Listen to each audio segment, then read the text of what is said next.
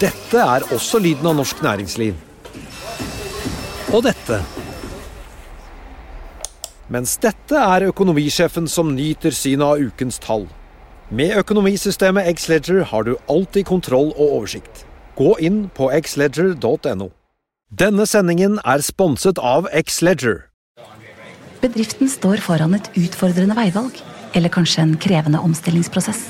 Og alle snur seg til deg, som leder. Hvem kan du snu deg til da? I Nordea vet vi at også ledere trenger noen å spørre. Og at de beste beslutningene tas på et grunnlag av kunnskap, erfaring og ekspertise. Som din bankpartner er vi her for deg med råd og veiledning. For alt fra ansvarlig vekst til viktige omstillingsvalg. Så når alle spør deg, da kan du spørre oss. Finn ut mer på nordea.no, din bankpartner.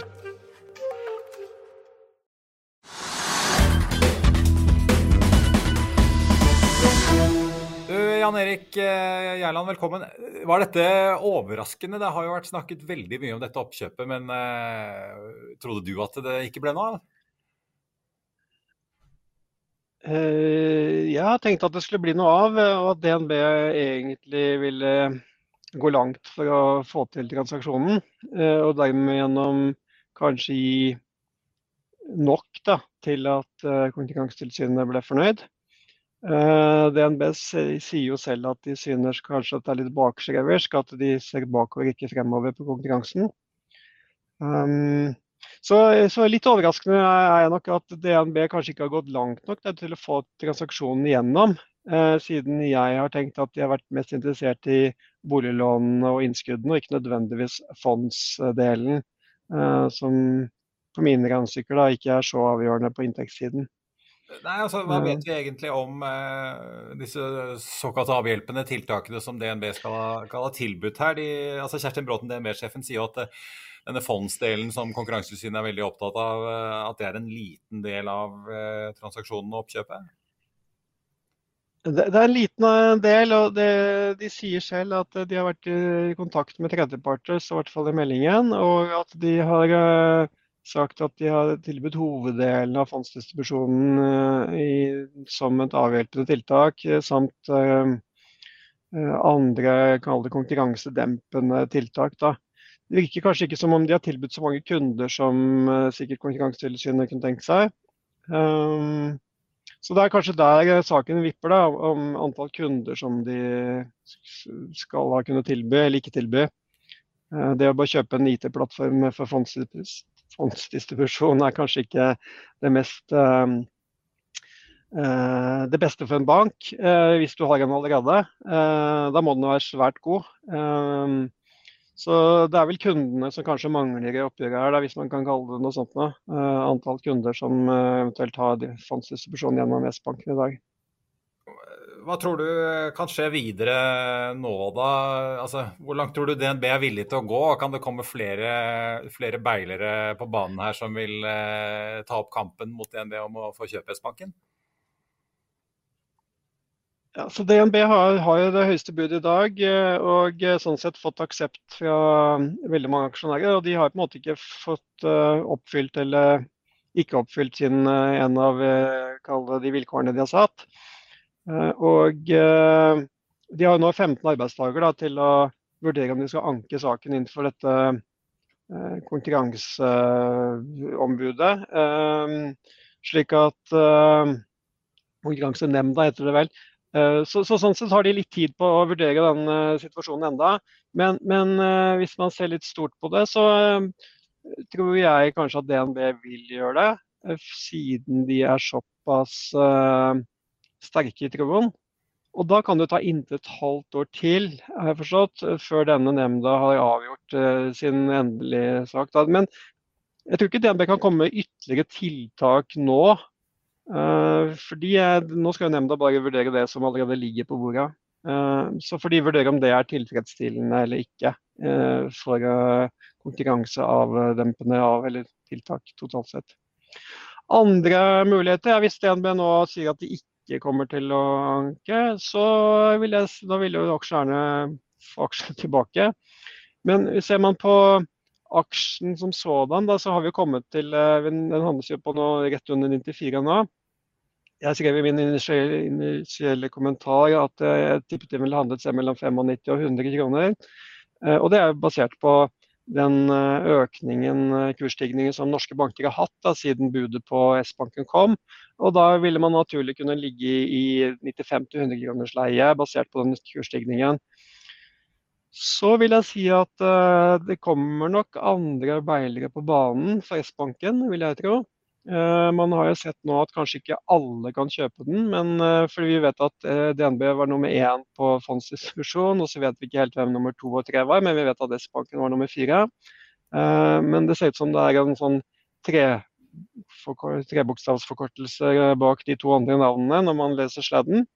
Så kanskje det er, eh, kanskje det er Storbrann, kanskje det er KLP som er bak de to sladdene. Eh, som da heller ikke kan kjøpe det. Eh, men da har vi jo andre banker, da, noen svenske vi har jo finske. Nordea er jo en finsk bank. Handelsbanken er jo en, en svensk bank. Swedbank virket ikke så interessert. Kanskje ikke heller SEB. Av norske banker så er det jo helt klart uh, Sparebank1-Sverige som kan være interessert. De eier jo BN-bank i dag. Um, Eika-banken er kanskje ikke så kine, men de, de, kan kunne vurdere dette som sin digitale plattform for, på, på en nasjonalbasert uh, vis, og kan kanskje være en interessant um, kanal.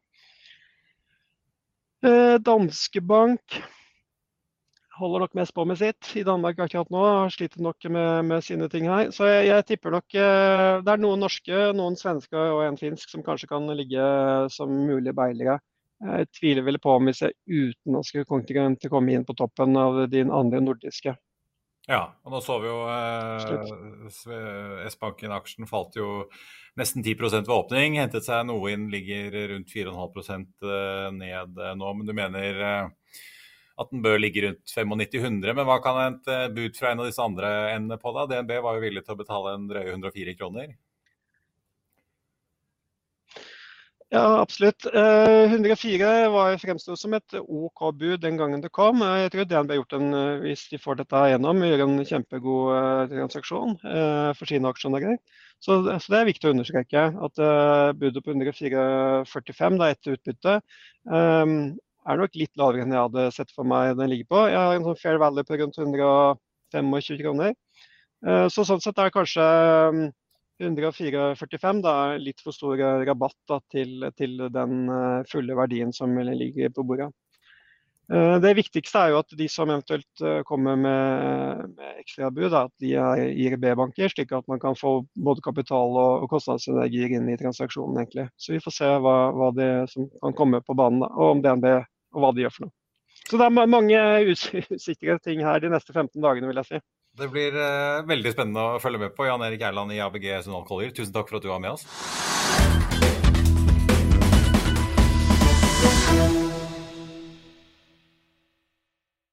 Denne sendingen er sponset av X-Leger. ACAST powers the world's best podcasts. Here's a show that we recommend.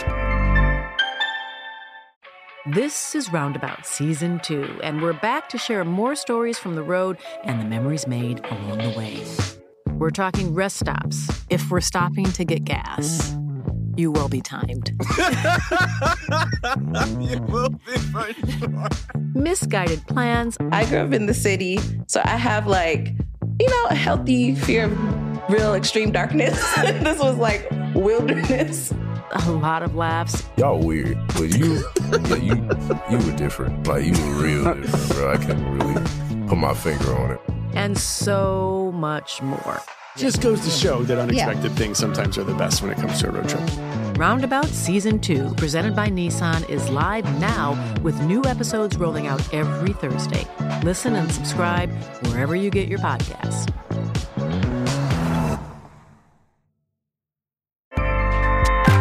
ACAST helps creators launch, grow, and monetize their podcasts everywhere. ACAST.com. Økonominyhetene er en podkast fra Finansavisen. Programledere er Marius Lorentzen, Stein Ove Haugen og Benedikte Storm Bamvik. Produsenter er Lars Brenden Skram og Bashar Johar. Og ansvarlig redaktør er Trygve Hegnar.